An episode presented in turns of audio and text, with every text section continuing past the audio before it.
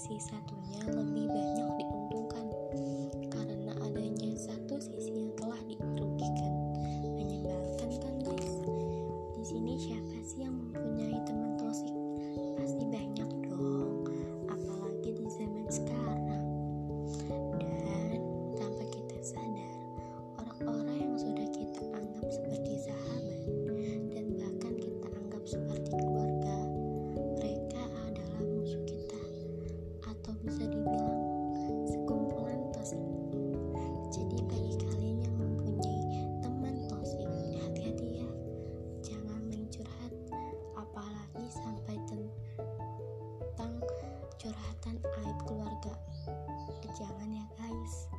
karena kalau kita curhat sama teman kita yang udah kita anggap keluarga dan kita percaya sama itu orang curhatan kalian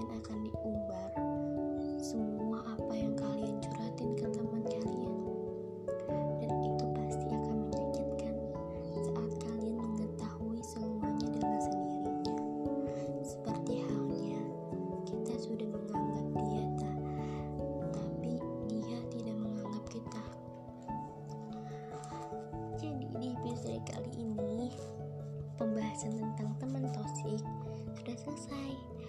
Di episode kedua aku akan berbagi pengalaman aku saat aku memiliki sekumpulan tosik dan aku rela menjauhi sahabat aku sendiri demi sekumpulan itu. Jadi jangan lupa dengerin ya guys